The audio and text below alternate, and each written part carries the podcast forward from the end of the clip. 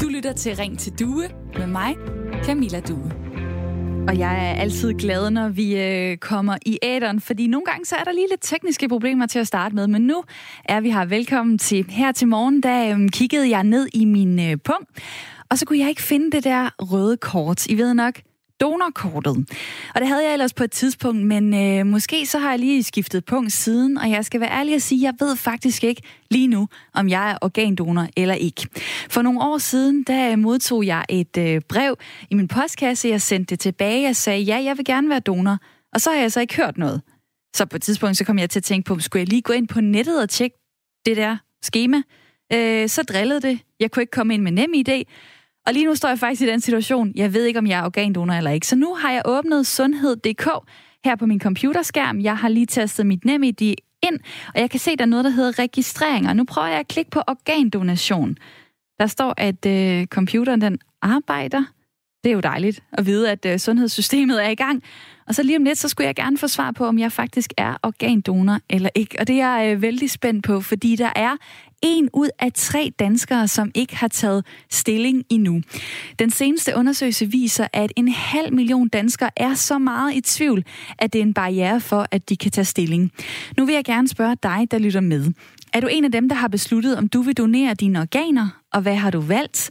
Eller har du ikke lige fået gjort noget ved den beslutning endnu? Ring til mig på 72 30 44 44, eller send en sms til 1424, hvor du skriver R4, laver et mellemrum, og så skriver du din besked. Altså har du taget stilling til organdonation, eller har du ikke fået det gjort endnu? Send en sms til 1424, skriv R4, lav et mellemrum og skriv så din besked. Eller ring til mig lige nu og fortæl det på 72 30 44 44. Og yes, okay, jeg er organdonor, der står her. Du har senest registreret dine ønsker den 26. i 10. 2016. Og mens at øh, I er i gang med at ringe og skrive ind, så vil jeg gerne høre, hvad Pernille og Anne-Marie siger, siger til det her spørgsmål. I er mit lytterpanel i dag. Hej med jer. Da, øh, Pernille, da du hørte, at øh, vi skulle snakke om organdonation, tænkte du så yes eller no? Jeg tror, jeg var lidt mere sådan, okay, lad os gøre det. Og Anne-Marie, der er jo mange, der er i tvivl. Øhm, hvorfor tror du, så mange er i tvivl om, hvad de skal beslutte? Jamen, jeg tror, der er forskellige årsager til det. Altså, der kan både være det, at man tænker, ja, det skal jeg også have gjort, og så øh, skyder man det. Der kan også være det, at øh, man øh, på en måde bliver konfronteret med sin egen død, eller ens allernærmestes. Og så kan det også være, for nogen i hvert fald, rent følelsesmæssigt, at øh, der kan være en grænse, man ligesom synes, man skal overskride. Jeg hedder øh, Camilla Due. Hver dag der har jeg lytter i studiet. Jeg vil også rigtig gerne have dig, der lytter med, til at ringe eller skrive ind, så du kommer med ind i øh, snakken. Og øh, jeg knipser lige til min producer, fordi jeg tror, der er nogen i et andet studie, der måske øh, også har gang i at lave noget arbejde. Det er rigtig dejligt, der er gang i den på Radio 4. Vi skal lige have styr på teknikken, det beklager jeg. Jeg vil gerne høre fra dig, der lytter med. Er du en af dem, der har taget stilling til, om du vil donere dine organer, og hvad har du valgt? Eller har du ikke fået gjort noget ved den beslutning endnu? Ring på 72 30 44 44 eller send en sms til 1424. Skriv R4, det er for Radio 4. Lav et mellemrum og skriv så din besked. Og nu et hej til mit øh, lytterpanel. Pernille Lund Olesen, 28 år, bor i Horsens, scenekunstproducent. Du har en kæreste, du kan lide at læse, spille brætspil og brodere. Anne-Marie Frederiksen, 71 år, bor i EO ved Aarhus, pensionist og tidligere underviser og konsulent på sygeplejerskeuddannelsen. Du har fire børn og 10 børnebørn. Ja, det er dejligt. Det er vildt. Flot. En ud af tre danskere har altså ikke taget stilling til organdonation. Der er 500 danskere, der er i tvivl om, hvad de skal vælge. Anne-Marie, øh, er du organdonor? Ja, det er jeg faktisk. Øh, men jeg må indrømme, at øh, det var egentlig dig, der skubbede mig i gang i går. Okay. Da jeg lige ringede og fortalte, hvad vi ja, skulle snakke ja, om. fordi jeg synes, at øh, det er en øh, borgerpligt, og jeg havde ikke selv fået det gjort, men det har jeg nu. Og hvad stod i vejen for, at du havde fået taget stilling? Det, det er jo ikke særlig svært, kunne jeg jo så lige se.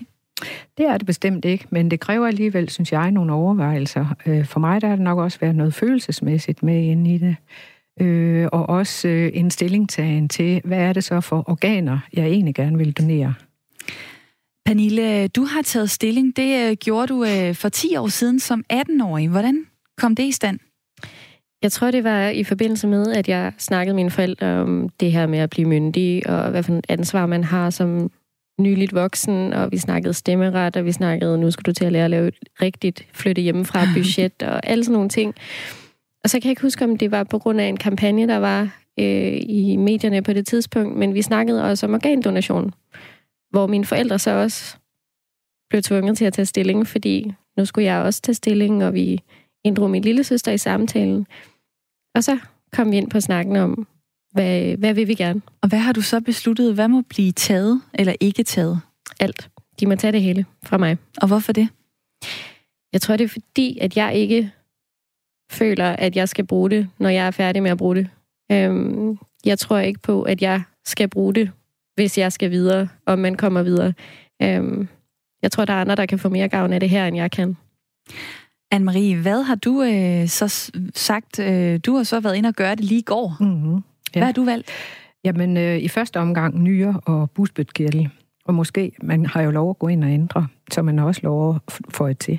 Så du har lavet det, man kalder en begrænset tilladelse? Ja. ja. Der er øh, nogen, der skriver her på øh, sms'en, der er faktisk mange, der skriver ind lige nu, tak for det. Hej, organdonation burde være obligatorisk. Hvis man ikke ønsker at donere, så skal man melde fra modsat i dag. Det er Dan fra Kolding, der har den øh, pointe. Og øh, det øh, taler jeg faktisk med en om senere i programmet, fordi det tror man måske er den allerbedste løsning, og det kan løse alt. Det kan det måske ikke helt, men det vender jeg tilbage til senere. Men synes I på en eller anden måde øh, her i mit lytterpanel, at man skulle prøve at øh, presse øh, flere til at beslutte ja eller nej? Jeg tror, for mig handler det rigtig meget om... Jeg var selv en af dem, der synes, ja, lad os gøre det. Det lyder som en rigtig god idé, fordi jeg havde også selv taget stilling i en alder af den.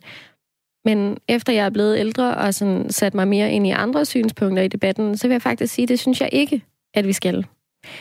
Og det handler meget om retten til egen krop for mit vedkommende. At jeg synes ikke, at staten eller vi andre skal gå ind og bestemme over for eksempel Anne-Maries krop og sige, jamen Anne-Marie, du har ikke taget stilling, det betyder, at du vil af med det hele. Og det kan vi jo høre på Anne-Marie, det har hun måske ikke lyst til. Der er en, der skriver øh, på sms'en, Hej du, jeg har taget stilling for mange år siden. Et klart ja. Hvis man selv vil have mulighed for at få andres organer, så er man også selv nødt til at yde et bidrag. Det skriver Karsten på øh, 1424. Der er en, der opfordrer mig til at sige 1424 i stedet for 1424 om, omkring sms'en.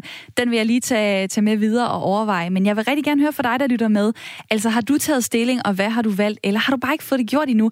Ring til mig 72 30 44 44. Du lytter til Radio 4. Og nu har vi en øh, lytter med. Det er øh, Henrik fra Sorø. Hej med dig. Ja, hej hej. Hvad, øh, hvad har fået dig til at ringe ind til programmet? Jamen, jeg synes jo, det er et meget aktuelt emne, I, I bringer op, og, og jeg mener, at øh, hvis man selv vil modtage organer, øh, så skal man også være organdonor. Jeg tror ikke, der er mange, der, der vil sige nej tak til at modtage et livsvigtigt organ. Og øh, hvad har du selv valgt? Og hvor har du, Jamen, hvordan jeg... har du taget stilling? Øh, jeg har taget stilling for, for mange, mange år siden, og at, øh, og at øh, jamen, øh, de, må, de må tage det helt. Og hvordan har du øh, givet det øh, til ud, eller hvordan har du altså, øh, besluttet dig, eller det jeg prøver at sige, det er, hvem har du sagt det til, eller har du et donorkort? Hvad har du gjort for, at andre folk ved det, som Jamen, du har det? Det eneste, den eneste rigtige måde at gøre det på, så, så der ikke bliver tvivl, det er jo at registrere det på nettet, fordi så, så bliver donorkortet ikke væk, og, og, og ens pårørende har, har ikke lige pludselig glemt, hvad, hvad man nu mener og sådan noget. Jamen, på nettet, der, der, der er aldrig nogen tvivl.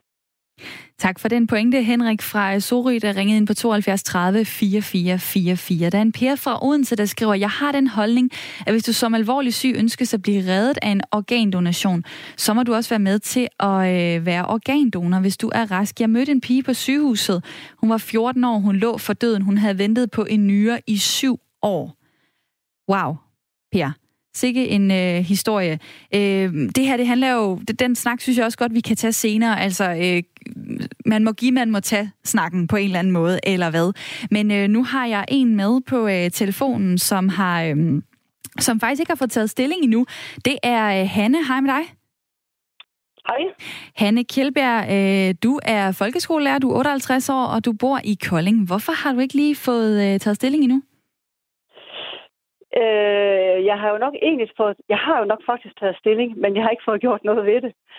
Øhm, og jeg er jo stadig i tvivl om, at det er jo noget, vi bør tage stilling til, og vi er noget, vi bør gøre noget ved, fordi øh, øh, man kan jo hjælpe rigtig, rigtig mange mennesker, hvis man står i en uheldig situation. Øh, men jeg tror måske lidt det der med, at når man sådan skal tage stilling, så er der nogle ting, der kommer lidt tæt på. Altså øh, sådan noget tanken om døden og øh, tanken om fremtiden. Og så ligesom om, så bliver det sådan lige lidt øh, farligt, og man får måske lige lidt øh, angst øh, over for det. Øhm, det kommer i hvert fald lige lidt tæt på, synes jeg. Så når du siger, du har taget stilling, så er det inde i dit hoved, men der er ikke andre, ja. der ved, hvad du mener? Nej, lige præcis. Fordi altså, min mand har taget stilling, og mine børn har taget stilling, og de har også handlet. Øh, så de er tilmeldt. Men, øh, men så langt er jeg ikke helt kommet. Det, det ligger inde i hovedet, men det er ikke øh, kommet til handling endnu. Det, der sker, når du ikke tager stilling, det er jo, at hvis der skulle ske dig noget, så overlader du beslutningen til nogle andre. Hvor, og de andre, det er din familie. Hvordan har du det med det? Øh, det synes jeg er øh, lidt skidt, men jeg ved også, at i det, de selv er så overbevist om, hvad de synes, der er det rigtige at gøre, så er jeg ikke i tvivl om, hvad de vil vælge, hvis, hvis de skulle træffe beslutningen. Men vil du ikke gerne have, at det er den beslutning, som du gerne vil have, der, altså det, der skal gøres med din krop, øh, som er det, der ender med at blive gjort, hvis det skulle komme ud i den situation? Jo, altså det er helt sikkert, at øh, det her det har lige øh, prikket lidt til mig om at øh, få gjort noget ved det og få, øh, få kigget på det. Fordi øh, det, det, det er jo smartest, at det er ens egen beslutning, i stedet for det er familien. Øh, fordi det kan jo være en, en svær og en tragisk situation, de står i. Øh, og så er det jo en ekstra svær beslutning for dem at, øh, at skulle træffe. Øh, så jeg, jeg tror nok sådan lige, at det har i hvert fald prikket lidt til mig om, at øh, få nu gjort noget ved det. Jeg øh, forventer, at du gør et eller andet, når du lægger på lige om lidt, eller kommer hjem fra arbejde. Lad være med ja, at udskyde det. det. Hanne Kjeldberg, ja. 58 år øh, fra Kolding. Tak fordi du ringede ind. Ja, det var så let da. Hej hej.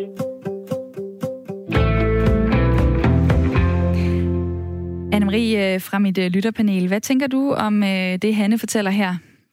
Jamen det, jeg tænker, det er, når man går ind og øh, melder sig som donor, så er der faktisk også en lille rubrik, hvor man kan krydse af, om man ønsker, at pårørende skal spørges, inden man afgiver et organ. Og øh, det kan man jo så overveje, men der er det jo rigtig vigtigt, øh, at man taler med ens pårørende om det.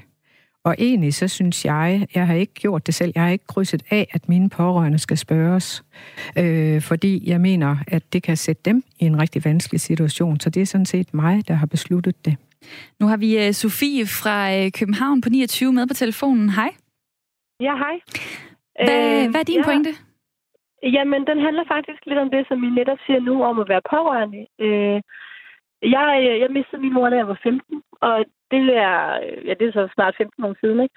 Og der var det ikke helt så organiseret, det her med at tage stilling til organdonation. Men min mor var læge, så jeg var egentlig slet ikke i tvivl om, at, øh, at hun ville gerne selv være organdonor. Øh, men i den situation, øh, hvor vi skulle sige farvel til hende, der valgte vi faktisk alligevel ikke at, at sige ja til organdonation, fordi det gør noget ved den afsked, man får. Altså hvis man skal, skal tage organerne ud, så skal de jo helt iltes. Og det vil sige, at vi skulle vælge mellem at stå i en situation, hvor vi så hende ordentligt ud, eller gå ud af et rum, hvor hun lå og stadig træk vejret ved hjælp af en respirator. Ikke?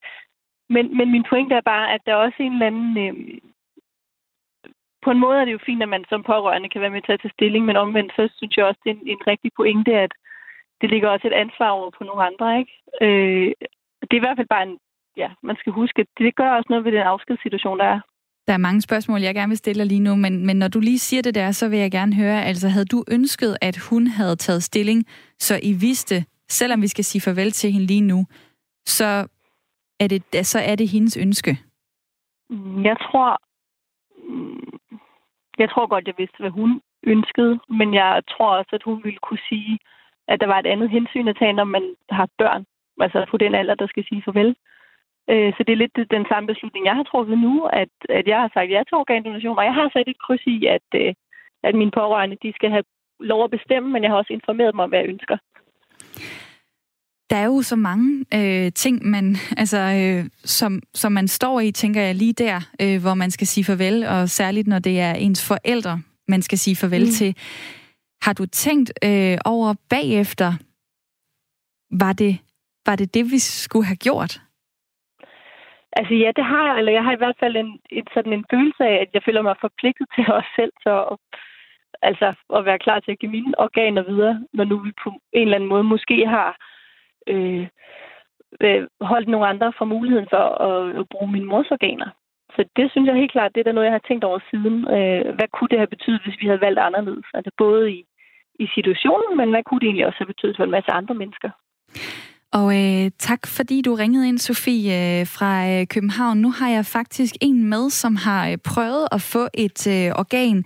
Det er øh, Karoline. Hej med dig. Hej. Du, øh, du er 22 år, du øh, bor i Jørgen, og øh, i april sidste år, der fik du en nyere. Prøv lige at tage os med tilbage. Hvordan får du den besked, at der måske er en nyere til dig? Øh, jeg stod midt i byen sammen med nogle veninder og venner, og jeg var faktisk på Svejk Grose, men der, jeg blev ringet op på min mobil øh, af en, der hed Mads, så jeg kunne rigtig forstå, hvem det var. Jeg var lidt sådan fuld, men ikke helt vildt fuld, og så ringer han så og siger, at der er en ny nyere til mig i Skype, og jeg skal skynde mig at komme derned. Og på det her tidspunkt har jeg kun været på venteliste i 13 dage. Hold det op, det var da helt utroligt. Så du står faktisk ja. på vej i byen, og så får du at vide, det, det er nu? Eller måske ja, ikke? Nemlig, altså det gik vildt stærkt, og jeg fik at vide, at jeg var første prioritet, men alligevel turde jeg ikke rigtig håbe på noget, fordi jeg var også bange for, at der kunne gøre noget, så det var, at jeg ikke fik nyren alligevel. Men jeg kom så derned, og det lykkedes, og jeg fik den. Hvorfor havde du egentlig brug for en nyre? Øh, det var, fordi min egen nyre ikke virkede, og det stoppede de med for otte år siden, da jeg var 12. Hold da op. Ved du egentlig, hvem du har, øh, har fået den af? Øh, nej, det ved jeg desværre ikke. Jeg ved, jeg ved, det er et ungt menneske, men det fandt jeg selv ud af. Men altså, man må ikke rigtig have noget kontakt, eller vide, hvem det er, eller noget som helst. Du, øh, du skulle vente i, i 8, nej undskyld, du skulle vente i 18 timer, altså da du kom ind på hospitalet. Ja. ja. Øh, og du vidste jo ikke, om, om du ville ende med, at du fik en nyere. Hvordan var de timer der?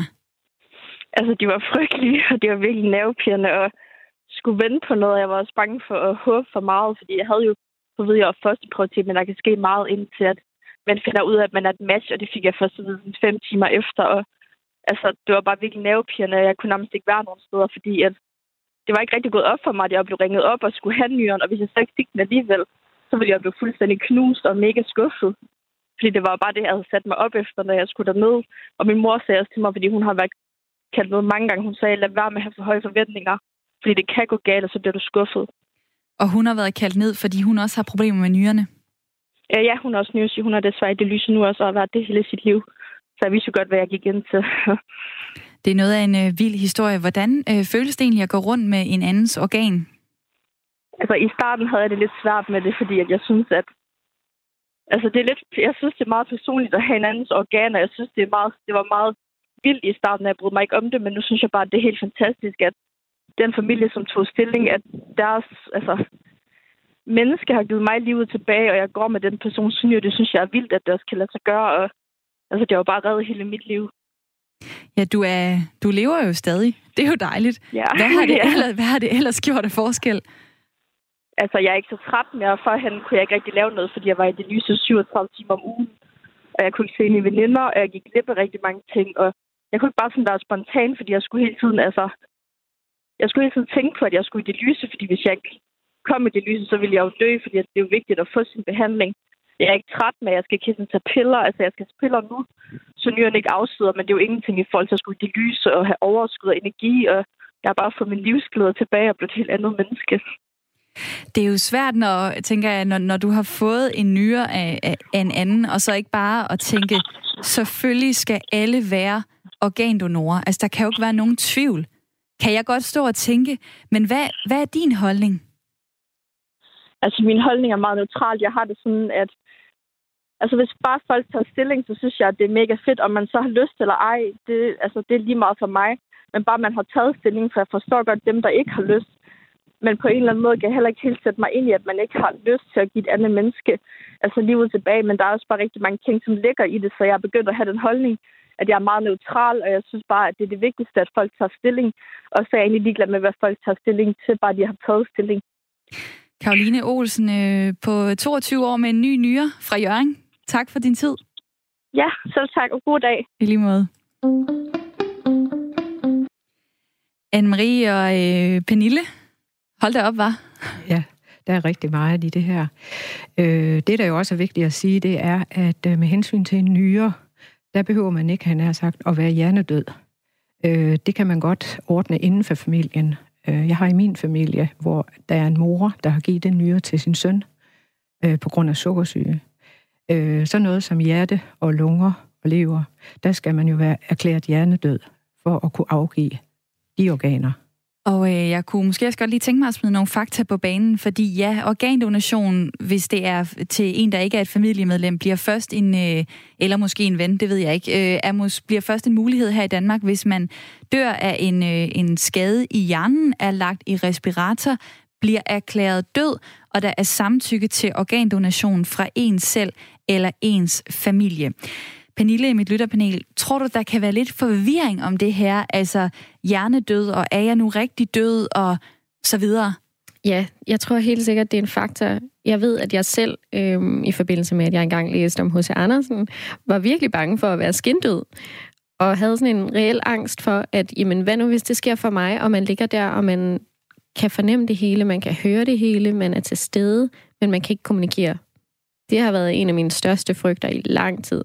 Og jeg tror også, i forbindelse med nogle af de dokumentarer og programmer, der har været om netop sådan nogle enkelstående tilfælde af, at der har været en, der er vendt tilbage til livet efter at have været erklæret hjernedød, eller erklæret helt død, at øh, så kan det være rigtig svært at vide, jamen, hvad er mine chancer? Jeg ved, at de folk, der arbejder på det her område, øh, siger, at der er rigtig mange myter. For eksempel sådan noget med, at øh, jamen, så vil lægen ikke kæmpe lige så meget for mit liv. Det passer ikke. Øh, og der er også noget omkring det her med, at man erklæret død, at ja, det er man. Øh, jeg ved, der har været en, en, et dokumentar på TV2, øh, øh, pigen, der ikke vil dø og sådan noget, som måske har sat spørgsmålstegn ved det.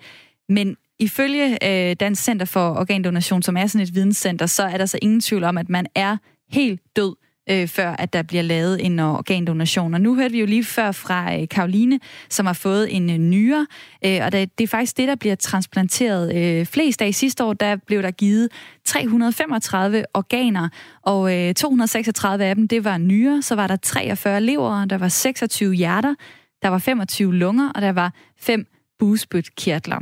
Og man kan jo altså blive organdonor på, øh, på tre forskellige måder, som er juridisk gyldige. Man kan registrere sig, ligesom jeg lige var inde og tjekke øh, i begyndelsen af udsendelsen på sundhed.dk. Man kan udfylde et donorkort, og så kan man også mundtligt sige noget til sin familie. Men det der med at have det inde i hovedet, det tæller ikke. Øh, mit lytterpanel, Anne-Marie og, øh, og Pernille, øh, hvad er det for en metode, I har valgt af de tre? Jamen, jeg har valgt at gå ind på øh, borger.dk og registrere mig der. Og jeg har ikke noget kort, og øh, så er det gået så stærkt for mig, så jeg har ikke øh, talt med mine pårørende, mine børn og svigerbørn. Men jeg er sikker på, at øh, det er de helt med på. Pernille? Jamen i sin tid, der fik jeg et brev om, at jeg... Øh nu var jeg blevet myndig, og nu skulle jeg til at tage stilling til en hel masse ting. Og et af de breve var så, har du taget stilling til organdonation? Så jeg startede med bare at udfylde det der lille røde kort. Og øh, da jeg så fik nem idé og nem adgang til min, min borger.dk-side, så gik jeg også ind og gjorde det der, fordi jeg er typen, der tit kan miste sådan et kort. Og du sagde også til mig, at man kan gøre det via en app. Ja, man kan få nem idé på sin telefon. Hvis man har en smartphone, så kan man få en nem idé-app, hvor man bare skal finde på sådan en firecifret kode selv, og så kan man swipe når man gerne vil godkende et login, så man ikke skal sidde med det der lille nem ID-kort og taste øh, mærkelige tal og bogstaver ind hele tiden. Det er øh, fancy pansy. Øh, der er mange, der skriver ind på sms'en 1424, skriver R4, øh, laver et mellemrum, og så sender beskeden afsted. Tak for det. Der er en, en, der kalder sig for kujonen her. Jeg har endnu ikke meldt mig som donor. Egentlig vil jeg gerne være donor, men det er skræmmende at udfylde skemaet. Jeg væver mig med, ved at beskæftige mig øh, ved det. Øh, undskyld, med det. Spørgsmålet i skemaet er uhyggelige og uoverskuelige uoverskuelige. Det skulle være obligatorisk at være donor, og så kunne man så melde fra, hvis man øh, ikke ville. Tak for den meget ærlige øh, sms. Der er en øh, Søren, der skriver, øh, donation er så naturlig. Hjælp dig selv og andre. Lad os være født donorer. Hvorfor er det ikke politisk muligt? Det skriver Søren øh, fra øh, Horsens. Øh, så er der en, der skriver her, øh, skulle man overveje, om de der, ikke, de der ikke er donorer automatisk står bagerst i køen, når der skal uddeles organer. Okay, der er øh, mange, mange ting, vi kan gå ind i, og det tænker jeg, at øh, vi skal gøre efter et nyhedsoverblik, nu med Per Kolstrup Winkel. Mængden af den giftige gas radon overstiger i rigtig mange ældre huse det anbefalede niveau. Det viser en ny analyse fra Aalborg Universitet. Radon kan man hverken mærke eller se eller lugte. Det radioaktive gas findes naturligt i undergrunden og kan sive op i, i husene gennem utætheder i kældergulvet. Selvom området flere gange har været tidligere været undersøgt, så kom resultaterne af analysen bag på en af forskerne i projektet, Thor Valbjørn Rasmussen, seniorforsker ved Statens Byggeinstitut på Aalborg Universitet overraskede det os selvfølgelig, at, at det gennemsnitlige niveau for fik fra før 2010, og specielt før øh, 1995, det var så meget højere end det, vi tidligere har set i, i undersøgelsen, for eksempel den, der blev gennemført, som det der ligger som grundlaget for radarkortet. Sebastian Lund købte sammen med sin familie et hus på Bornholm i 2015. I første omgang det perfekte køb, men pludselig blev han opmærksom på, at det ældre hus indeholdt forhøjet mængder af radon det var ikke noget, vi havde tænkt over overhovedet, inden vi flyttede. Øh, og, og, og heller ikke noget, vi havde med i overvejelserne, da vi købte hus. Øh, så, så det var sådan en, det var, det var lige en underlig ting at skulle, at skulle forholde sig til. Sebastian Lunds hus passer ind i den kedelige statistik. 40 procent af husene, der blev bygget før 1995, har et niveau af radon, der overstiger grænseværdien.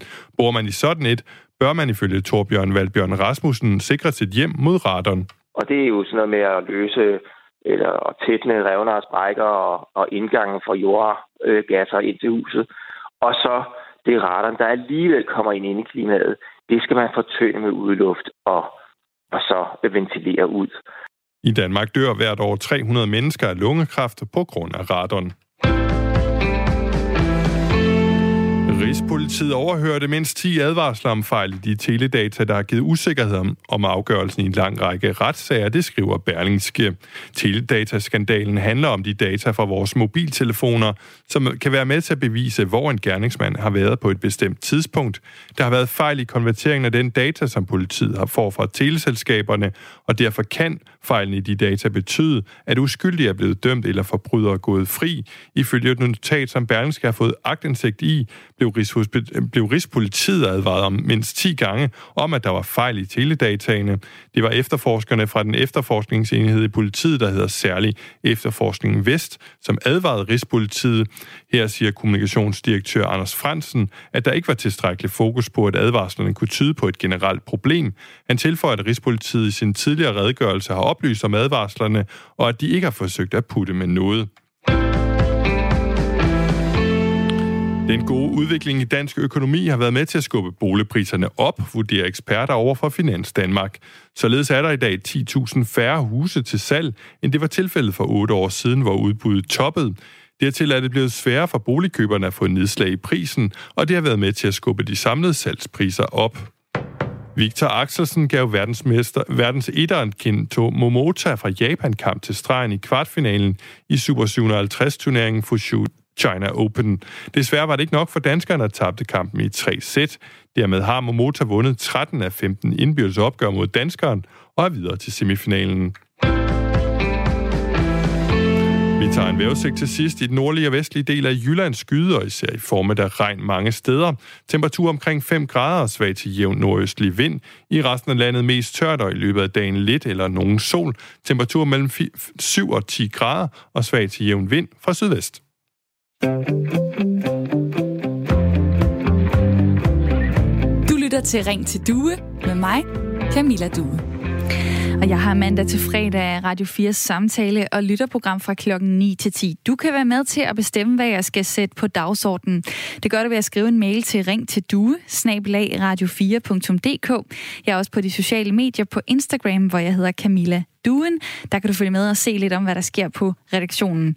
Har du lyst til at være med i mit lytterpanel, så er det også ring til due, radio4.dk hver dag har jeg nemlig lyttere i studiet fra hele landet, og jeg synes, du skal være med i snakken, hvis du har lyst. I dag der er det Pernille og Anne-Marie, der har øh, stafetten. Hej med jer. Hej. Anne-Marie, øh, Frederiksen, du er 71 år. Du bor i EO ved Aarhus, pensionist, tidligere underviser og konsulent på sygeplejerskeuddannelsen, fire børn og 10 børnebørn. Mm. Pernille Lund Olesen, 28 år, bor i Horsens scenekunstproducent. Du har en kæreste, kan lide at læse, spille brætspil og brodere. Mm. Jeg ved, du smiler, når jeg siger det der med brodere. det er, fordi jeg er nybegynder. En ud af tre danskere øh, har altså ikke taget stilling til organdonation. Der er 500.000 danskere, der er i tvivl om, hvad de skal vælge. Og øh, der kommer rigtig mange sms'er ind lige nu på, øh, på det her. Øh, jeg har spurgt, hvad har du gjort? Har du taget stilling? Og øh, hvis du ikke har fået det gjort, så vil jeg også meget gerne høre det på sms'en 1424. Skriv R4, lav et mellemrum, og øh, så din øh, besked. Der er en Tina her, der kommer med en lidt øh, dyster en. Godmorgen. Jeg kan desværre ikke med god samvittighed støtte menneskeheden. Derfor jeg, har jeg sagt nej til at være organdonor. Så er der en øh, Lars, øh, der skriver her, jeg er registreret som organdonor. Det gjorde jeg for 25 år siden. Skal jeg alligevel ikke bruge dem til noget, øh, når jeg er død? Der er en, der skriver, jeg er tilmeldt som organdonor. Jeg mener, det skal være et frivilligt tilvalg, at, øh, og at nogen foreslår, at man skal automatisk tilmeldes, når man er myndig. Det er en meget farlig vej at gå, fordi det skifter perspektiv væk fra det enkelte menneske og så til systemet. Og der bliver nikket her i mit øh, lytterpanel. Mm. Mm. Pernille, hvorfor det? Jamen, som jeg var inde på før, jeg synes, det handler rigtig meget om retten til eget liv. Og hvis vi først begynder at sige på politisk plan, jamen, samfundet har mere ret til din krop, end du selv har, medmindre du så siger, nej, jeg vil ikke, jeg vil ikke bidrage. Fordi så bliver det sådan en, vil du bidrage til samfundet, eller vil du ikke mere, end det bliver en hensyntagen til personlig overbevisning. Og nu har jeg en lytter igennem, der har ringet på 72 30 4444. Det er øh, Preben. Hej. Hej. Du ringer fra øh, Giveskud, er det rigtigt? 49 år? Ah, ja, øh, jeg bor i Giveskud, men jeg har på arbejde lige nu. Men ja. Tak fordi, at du øh, lytter med. Hvorfor har du ringet ind? Det er fordi, at øh, jeg vil selv gerne donere, og de må bruge, hvad de kan. Men i det, jeg har sukkersyge og forhøjet blodtryk, så kan de ikke bruge det. Så det stiller jo folk i en lidt forkert situation nogle gange. Har du undersøgt, om, om noget af dig kan bruges, så at sige? Nej, jeg snakkede med min læge om det, og han siger, at uh, i det, jeg har de ting der, så kan de ikke bruge mig. Jeg var bloddonor i mange år, da jeg så fik forhøjet blodtryk, fik jeg at vide, at så kunne de ikke bruge mig mere. Pernille i mit lytterpanel, jeg vil godt lige sige noget. Ja, jeg synes, det er rigtig fedt, at du har taget stilling, og det er selvfølgelig super ærgerligt, at din sukkersyge gør, at du ikke kan i nogens øjne bidrage, men det er netop også derfor, at at jeg har det lidt svært med, at man skal sige, at hvis du vil have, så må du også kunne give, fordi det er ikke alle, der kan give, og vi kender ikke hinandens krop eller hinandens historier. Om det er en... Det mig lidt, eller ja, gjorde mig lidt øh, sur over den ja. kommentar der med, at alle skal give. Jamen, alle kan ikke give. Nej, og det er, det er netop det. Altså, jeg kan, jeg kan også godt forstå, at man siger, at hvis du vil have, så må du også kunne give, men det er bare ikke os alle, der kan det. Noget af det, som øh, jeg har været øh, inde og kigge på, nu har jeg jo læst lidt op på det her område, det er, at man kan jo altid øh, kontakte øh, for eksempel øh, en donorforening eller sådan noget og sige, jamen det her, det er min situation. Er der noget af mig, der kan bruges alligevel, selvom jeg har den her sygdom? Øh, har du overvejet det? Øh, jeg har snakket med en læge om det, og han siger, at det, det var ikke noget, de kunne bruge, så længe jeg havde det. Så du, du er sådan helt sikker på, at alle dine organer, de kan ikke bruges, selvom du er sukkersyg? Ja, men jeg vil da godt til at snakke med ham igen, hvis det er. Jeg tænker i hvert fald bare, at det er noget, man, øh, man kan overveje. Øh, Preben, tak fordi du øh, ringede ind. Altså noget af det der med, øh, for eksempel der er også ældre mennesker, øh, nogen vil kalde dem gamle mennesker, som tror, jamen de kan ikke bruges. Og det er også en myte. Det kan de godt. Anne-Marie? Ja, det er netop også det, fordi jeg har jo også tænkt på, at jeg er ikke ung mere, men øh, man kan sige, selvom man er langt op i 80'erne, så har man også øh, organer, hvis man i øvrigt er rask og frisk, der kan bruges. Det samme, hvis man får noget medicin. Øh, der er rigtig meget medicin, man øh, sagtens kan have brugt, uden at det forhindrer, at man øh, kan være organdonor. Så, så, men det er jo rigtig klogt enten at tale med egen læge, eller gå ind og kontakte nogle af foreningerne, som kan hjælpe med at få det helt afklaret. Jeg kan godt forstå, at man, øh, man sådan tænker, åh, oh, shit, man, skal man igennem alt det der? Skal man, så skal man til at ringe til nogen, eller man skal skrive en mail, mm. og altså, det, det, det er jo også meget mm. øh, altså arbejde på mm. en eller anden måde. Ja, men Ja, men jeg vil sige, at øh, hvis man er fortrolig med en computer nu om dagen, så kan man jo afklare rigtig meget ved at gå ind på nogle forskellige hjemmesider og finde ud af, hvem er det, jeg kontakter. Og så er det jo sådan set ikke andet end at tage enten at skrive en mail eller tage telefonen og ringe. Og lige angående det der med, med alder, altså sidste år i 2018, der var den ældste donor. I kommer lige med et gæt. Hvor gammel var han, hun? Måske op i 90'erne. 85 år. Okay. Radio 4 taler med Danmark. Og man kan øh, faktisk allerede øh, tage stilling til at være organdonor nu som øh, 15-årig. Det er noget, der trådte i kraft i sommer, før der var grænsen på 18 år. Og det gør dit arbejde endnu mere relevant. Martin Borg, hej med dig. Hej. Du er medicinstuderende, og så er du national aktivitetsleder for noget, der hedder Donate.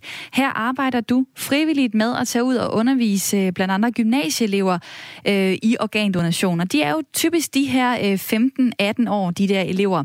Hvordan er det at stå og snakke med unge mennesker om, at øh, hvis du dør og bliver hjernedød og så videre, altså de her totalt vilde scenarier, hvordan er det at tage den snak med dem? Jamen, øh, det, øh, det er faktisk rigtig interessant, og nu har jeg siddet lige og lyttet lidt med på sidelinjen, og, og noget af det, der går igen her, det er jo, at det kan være svært at snakke om, fordi man bliver konfronteret med sin egen dødelighed. Øhm, og det er ikke på samme måde et problem for de her unge mennesker. Øh, det er slet ikke gået op for dem endnu, at, øh, at de skal dø en dag. Så man kan have nogle rigtig åbne snakke med dem, øh, fordi de jo i baghovedet har den der, men det sker jo ikke for mig. Så vi kan have nogle rigtig gode, åbne og, øh, og, og, og brede snakke omkring, hvad, hvad vil det egentlig sige at hjernedø og blive organdonor og modtage et organ og alle de her ting. Ja, men jeg vil sige, at øh, for det første, så øh, er det, jeg tror, det er en, en forskellig situation, vi taler om, om du står i et klasserum og taler med de unge mennesker, eller de unge mennesker sidder hjemme ved spisebordet med forældre, fordi måske er det sværere at snakke med forældrene om.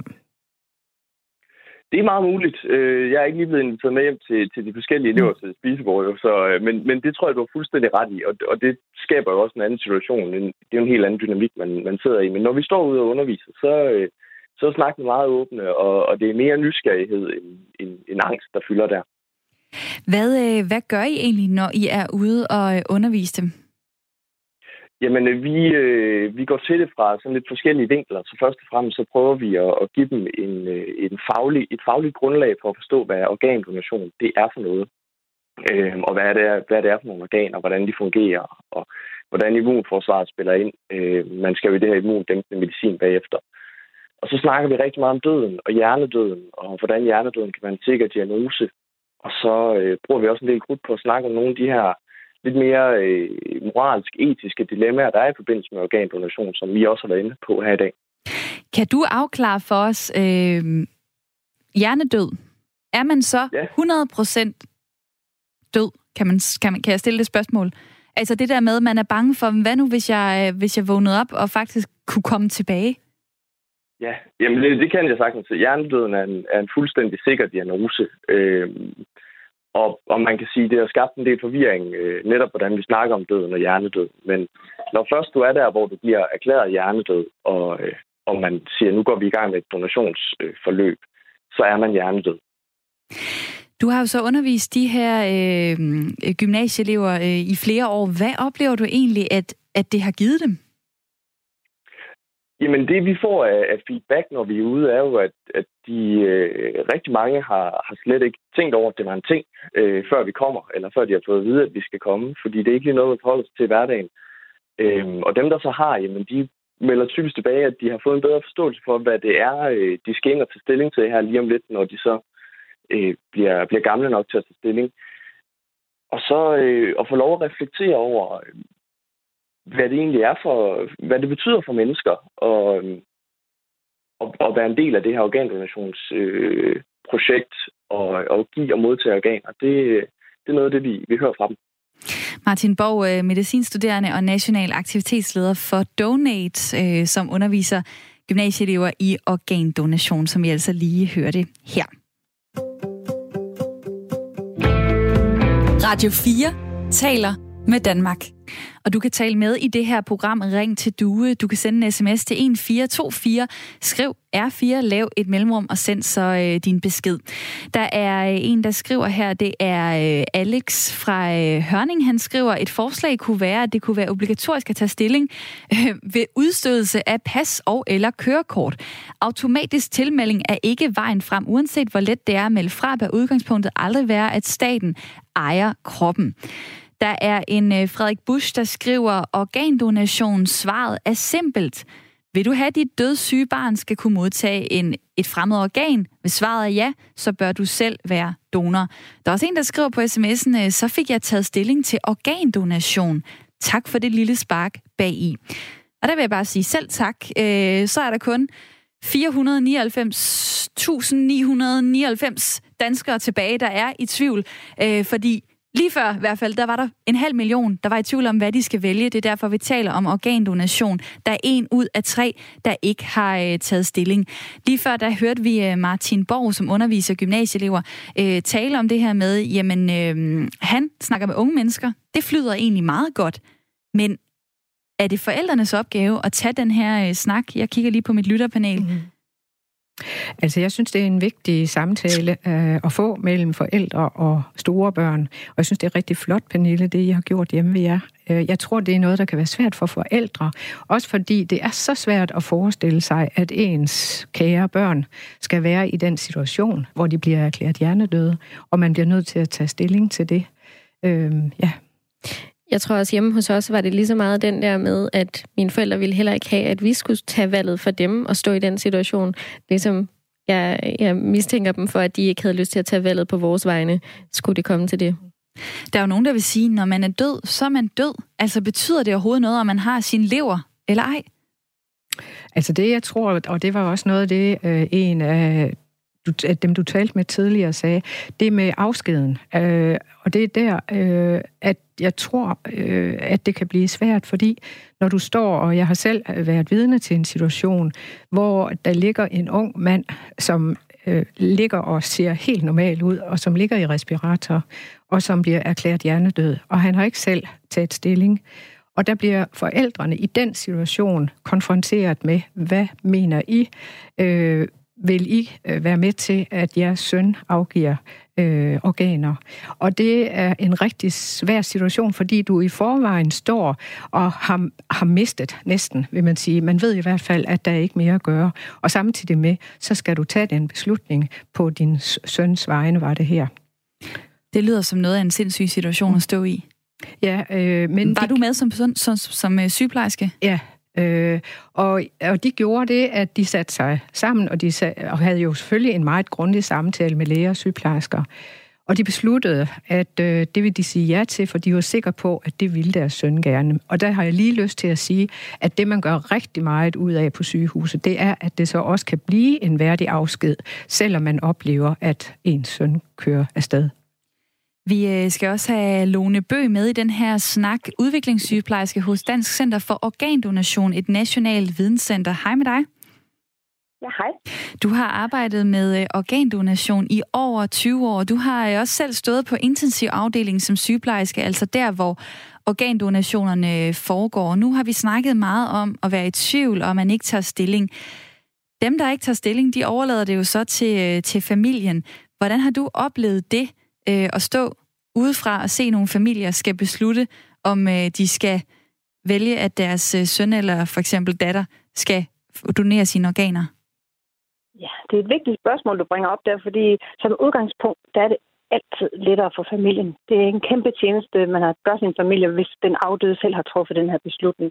Men når man så står i den her situation, at man ikke kender den afdødes holdning, jamen der er den typiske måde, som som jeg kan høre, at rigtig mange familier griber det an på. Det er netop, som jeg også hørte øh, sygeplejersken før fortælle, det er, at man sætter sig omkring sengen, og så kigger man på, og det er også typisk den måde, man bliver guidet på af læger og sygeplejersker. Hvad tror du, patienten selv vil have ønsket? Men hvordan kan man vide det? Have mulighed for det. Hvordan kan man vide det? det? De, man får snakket sammen om det ud fra, hvordan var pas, øh, den her persons øh, som, øh, som person i hverdagen.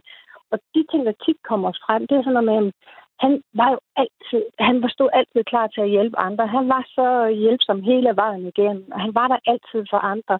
Og så bliver det tit talt der, at det vil lige være i hans ånd at kunne være med til at redde andre menneskers liv. Og det er det der, når man står med den her beslutning, man kan se, men det allerbedste, det vil være, hvis, hvis min søn, han kunne vågne op igen og være i live. Men når det nu ikke er en mulighed, øh, så vil det give god mening, at han trods alt kunne være med til at redde andre menneskers liv. Er det ikke lidt hårdt, at man på en eller anden måde øh, putter den, øh, den der ligger foran en, som, som er død, øh, putter ham eller hende i en kategori, som er, jamen var han sådan en, der vil hjælpe, eller var han sådan en, der ikke vil hjælpe?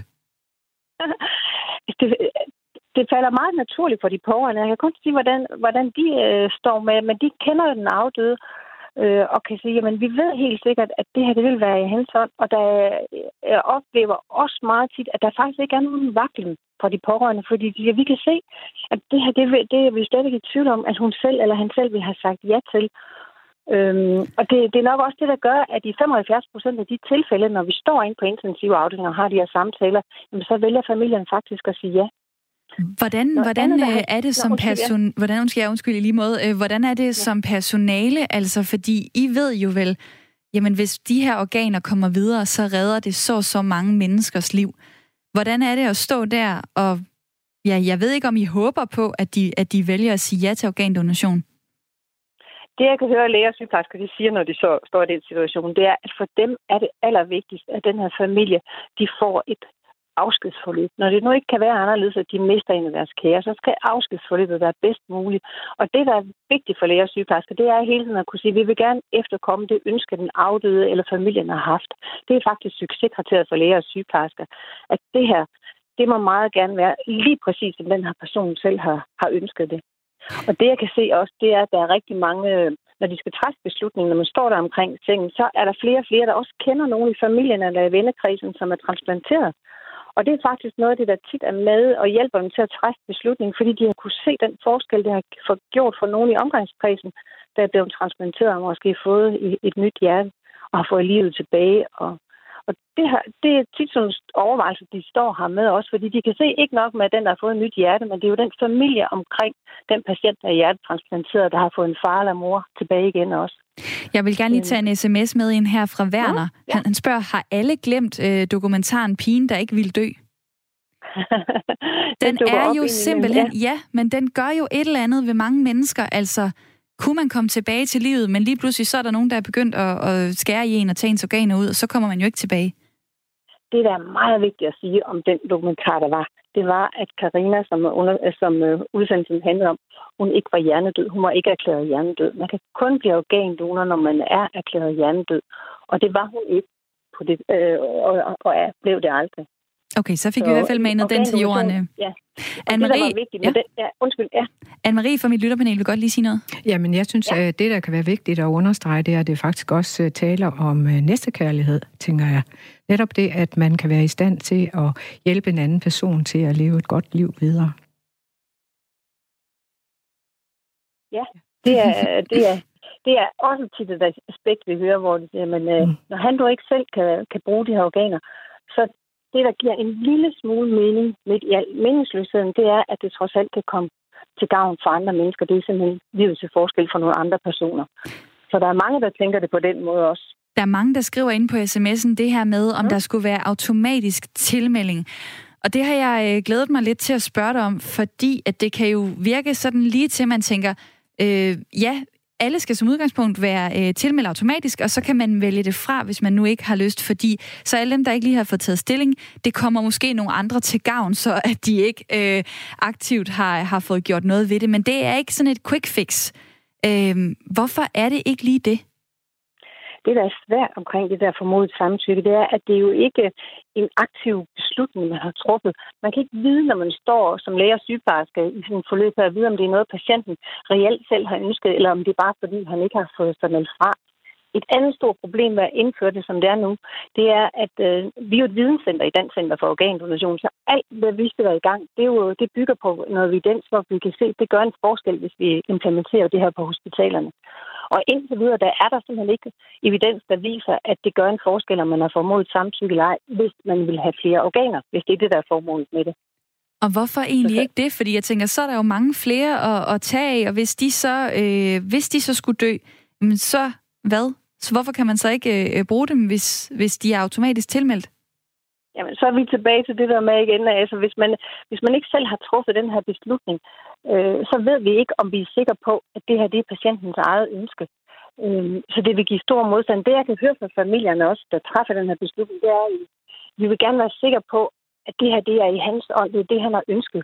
Og den viden vil vi jo aldrig have, hvis det er registreret, i, hvor man siger, men vi formoder, at alle som udgangspunkt er det. Vil det så sige, at man alligevel spørger familien? Hvis man, altså, som man gør det i dag, der, der drøfter man jo altid med familien. Altså, hvis man kan se, at patienten selv har taget stilling, så går man ind og informerer dem om, at din datter har selv ønsket at være donor, og, og derfor sætter vi det her i gang. Og modsat, hvis man ikke har taget stilling, så går man ind og siger, vi kan se, at din datter ikke har taget stilling, så nu er det jer som den nærmeste familie, der skal træffe beslutningen. Pernille i mit lytterpanel vil gerne sige noget. Ja, jeg kom bare i tanke om, at man kan jo også gå ind og tage stilling ved at sige, hej borger.dk, jeg ønsker ikke at være donor, så vidt jeg husker. Så man kan også gå ind og aktivt sige nej tak til at være donor. Øhm, så det behøver ikke at være en aktiv tilmelding, det kan også være en aktiv fremmelding. Ja, og sådan er det jo allerede i dag, og det er der mange, der benytter sig af, at hvis man vil være helt sikker på, at man ikke skal være organdonor, så er det med at få sig registreret i donorregisteret med, med et klart nej. Det her, det ønsker jeg ikke på nogen måde. Det sagde Lone Bø, der er udviklingssygeplejerske hos Dansk Center for Organdonation, et nationalt videnscenter.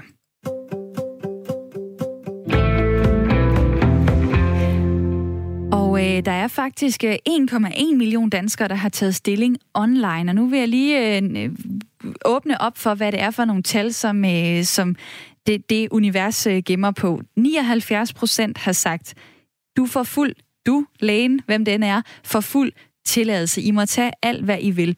14 procent har sagt begrænset tilladelse, og der er 6 procent, der har sagt, I skal ikke bruge mig som organdonor. Og øh, det, som allerflest har sagt nej til, hvis de har givet det her, der hedder begrænset tilladelse, det er hornhinder. Det har 113.000 danskere valgt fra. Så er der 33.000 danskere, der siger, at de vil ikke donere deres øh, hjerte. Og Anne-Marie, øh, du har ikke givet fuld tilladelse, sådan som jeg har forstået det. Nej, ikke indtil videre. Hvorfor ikke det? Jamen, det er nok et eller andet med, at jeg tænker... Mm, altså, dels så tænker jeg, og det ved jeg godt, den holder ikke helt, at jeg har nået en alder, øh, hvor mine organer er måske er ved at være lidt slidte, og jeg ved, den holder ikke helt. Men der er jo også noget for mig, nok noget følelsesmæssigt, og så kan man sige, jeg ved godt, at når jeg er død og borte, så har jeg egentlig ikke brug for mine organer. Så øh, den holder heller ikke helt, men jeg har alligevel nogle grænser, der hvor jeg er lige nu. Om jeg så får blødt de grænser op, det ved jeg ikke. Det vil jo vise sig. Pernille? Jamen, jeg, jeg kan godt forstå dig.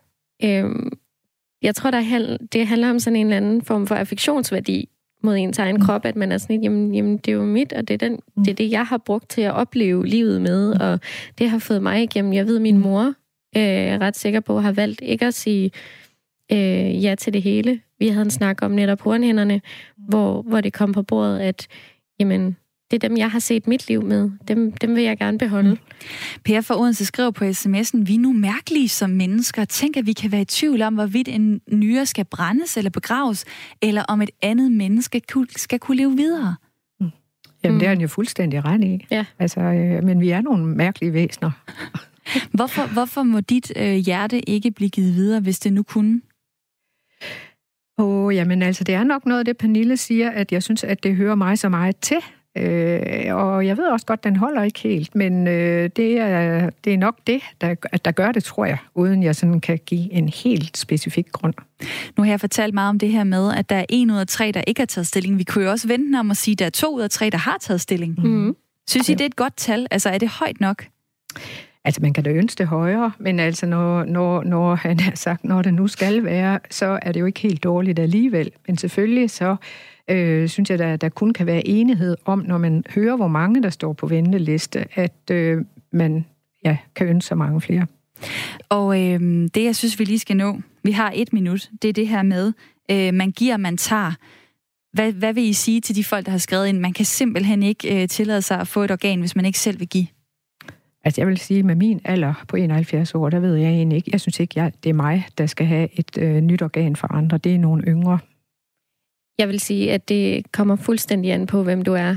Øh, jeg har ikke noget imod at give mine organer til nogen, der ikke selv har valgt at være organdonor. Og jeg synes heller ikke, man kan lægge det mm. i favnen på forældre, der mm. står med et lille barn, der skal have transplanteret et, et organ, og sige, jamen hvis dit barn skal have, så må du også selv bidrage. Mm. Det synes jeg er for indgribende. Vi kan opfordre til, at øh, du, der lytter med, får tænkt over, hvad du vil, hvis du er en af de øh, tre øh, danskere, der ikke har, øh, altså en ud af tre, der ikke har taget stilling. 500.000 er stadig i tvivl. Derfor var det emnet i dag her i Ring til Due. Pernille og Anne-Marie, tak for jeres tid i mit lytterpanel. Selv tak. Nu skal vi have nyheder med Per Kolstrup Winkel. Klokken er 10.